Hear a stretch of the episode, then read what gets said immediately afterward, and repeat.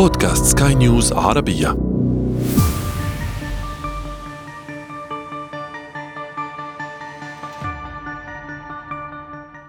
هل سمعتم يوما عن التخاطر؟ الجلاء السمعي أو البصري تحريك الأشياء عن بعد هل صحيح أن البشر لا يستخدمون كامل قدراتهم الذهنية؟ وهل يمكن لبعض الأشخاص أن يحصلوا على قدرات غير اعتيادية؟ ما هو الباراسايكولوجي؟ علم حقيقي أم زائف؟ وإذا كانت تلك مجرد أوهام فكيف تخصص جامعات غربية عريقة وقتا وجهدا ودعما ماليا لإجراء أبحاث عليها؟ أهلا بكم أنا عمرو جميل وهذا بودكاست بداية الحكاية بداية الحكاية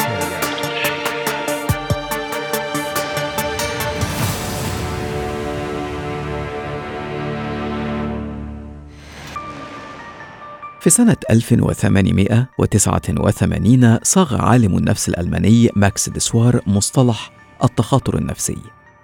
ماكس ديسوار كان فيلسوفا وقضى عمرا طويلا وهو يدرس تجارب مثل نقل الأفكار والتنويم المغناطيسي والظواهر الخارقة. الحقيقة أن هذه الظواهر الخارقة كانت كما يقول ضيفي الدكتور أرام حسن استشاري الطب النفسي قديم قدم وجود البشر أنفسهم.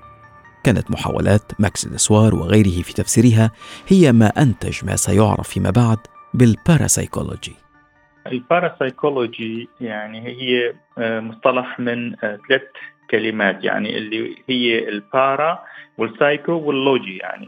خلينا نبلش من آخر كلمة ال logy يعني أو العلم يعني. علم دراسة أبحاث كل ما هو مختص بالعلوم بشكل عام. يعني في عندنا فرضا cardiology تخصص قلب سايكولوجي علم نفس. فاذا في كلمة سايكو كمان علم نفس أو الروح. وال para هي كلمة خلينا نقول تعني ما وراء أو الموازي يعني أو حوله. فاذا آه، البارا سايكولوجي هو علم ما وراء علم النفس أو الموازي لعلم النفس. ومختص في دراسة الظواهر النفسية خلينا نقول الموازيه وتعتمد على قوى مثل ما يعني آه، مفهوم آه، بالمصطلح العام ما وراء الطبيعة أو الموازي أو الخارقة أو التي تتفوق على الحواس اللي نحن نعرفها يعني أو القوى اللي نحن نعرفها وملموسة قوة ملموسة. منذ وجود البشر يعني آه، ومنذ الأزل والتاريخ ومنذ محاولتهم إنه يتغلبوا على الأمور اللي ما بيفهموها أو الأمور اللي بيعجزوا عن حلها أو الأمور اللي بتخليهم في حالة خوف وخاصة الخوف من المجهول. فإذا ظهر منذ ظهور البشر وطبعا تطور هلأ إذا قارنا الباراسيكولوجي مع السيكولوجي الاختلاف الرئيسي هو إنه السيكولوجي أو علم النفس معتمد على دراسات أبحاث علمية مقارنة وإذا قارناها فراح نشوف إنه في كل الدول متقاربة أو متشابهة لأنها تعتمد على أسس علمية واضحة لكن إذا قارنا آه، الباراسيكولوجي راح نشوف إنه تطورت مع الزمن تطورت مع آه، العلم والمعرفة لكن تختلف من بلد لبلد وتختلف من ثقافة إلى ثقافة ومن عصر إلى عصر. واحد من أهم العلماء الذين درسوا الباراسيكولوجي أيضا كان الدكتور جوزيف راين الذي نستطيع أن نقول إنه وضع منهجية الباراسايكولوجي في ثلاثينيات القرن الماضي.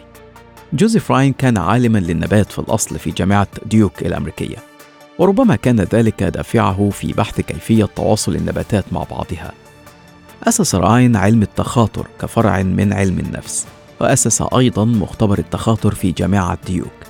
وأجرى هناك نحو تسعين ألف تجربة. جامعة ديوك بالمناسبة هي إحدى أعرق الجامعات الأمريكية. تحتل حاليا المرتبة السابعة مثلا كأفضل الجامعات على المستوى الأمريكي الوطني. والقصد أن الدكتور راين لما أجرى اختباراته لم تكن شطحة لعالم مغمور بل كانت أبحاثا تخضع لما تخضع له الأبحاث العلمية في أي مجال آخر. لكن لما نشر الدكتور راين كتابه الإدراك خارج الحواس في سنة 1934 تعرض للشك والسخرية من نظرائه من العلماء الذين اعتبروا أن تلك الأمور من الخرافات أو العلوم الزائفة. الحقيقة أن ذلك أمر متوقع لأن الباراسايكولوجي يشمل الكثير من الظواهر المثيرة للجدل.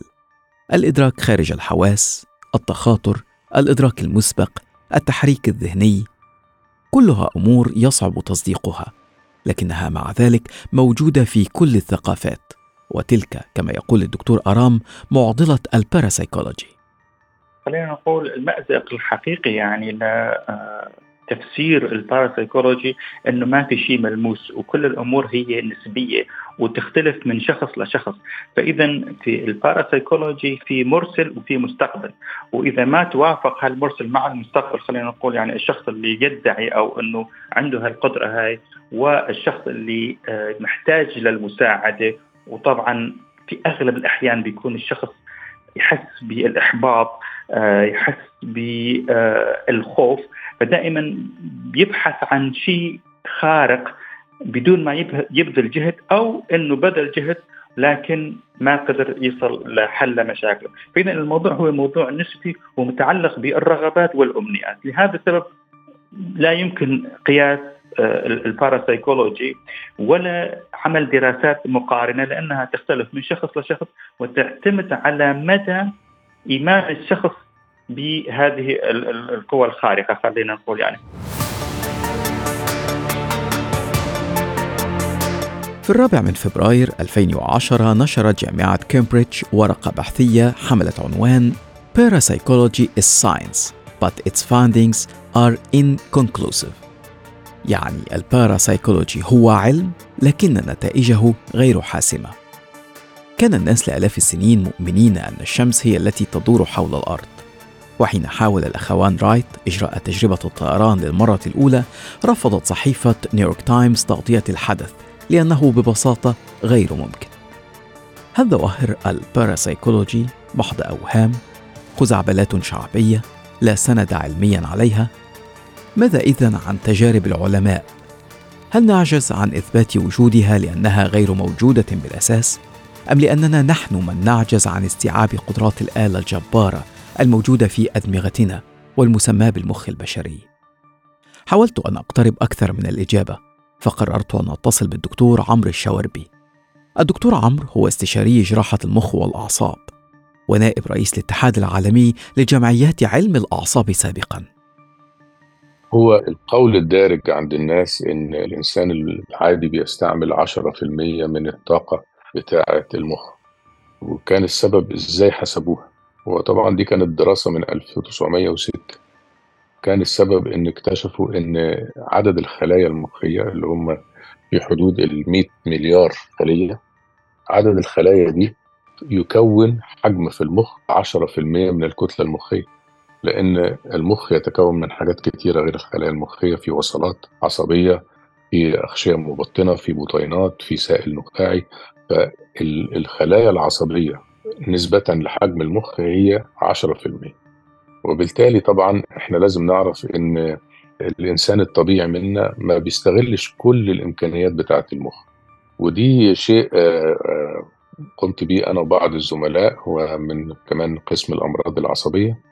دراسة على جهاز الرنين المغناطيسي اللي بيقيس التيار الكهربائي داخل الخلايا المخية أو النشاط. واكتشفنا إن إحدى المرضى آه الذي يتحدث عدة لغات كان يتحدث الألمانية والهولندية والإنجليزية والفرنسية. لما كنا نتحدث معه بلغة أخرى اكتشفنا أن مركز الكلام بيتغير إلى مكان تاني في المخ. معناته أن المخ عندنا بيبرمج بعض الأماكن لتأدي الوظائف إكسترا أو زائدة. وبالتالي أن إحنا لما بنعمل بعض العمليات في المخ بنكتشف أن في حتت نسميها silent areas أو الأماكن الساكنة. ولما بيتم استئصالها إذا كان فيها أي إصابة أو أي فيها ورم بنلاقي إن المريض بيتعافى بدون ما يكون عنده أي مضاعفات أو يفقد أي من الوظائف. معناته إن الأماكن دي لها وظائف إحنا لا ندرك آه، لغاية الآن ما هي. فبالتالي فعلا الإنسان الطبيعي منا ما بيستعملش الكفاءة آه، للخلايا المخية كاملة بل أقل.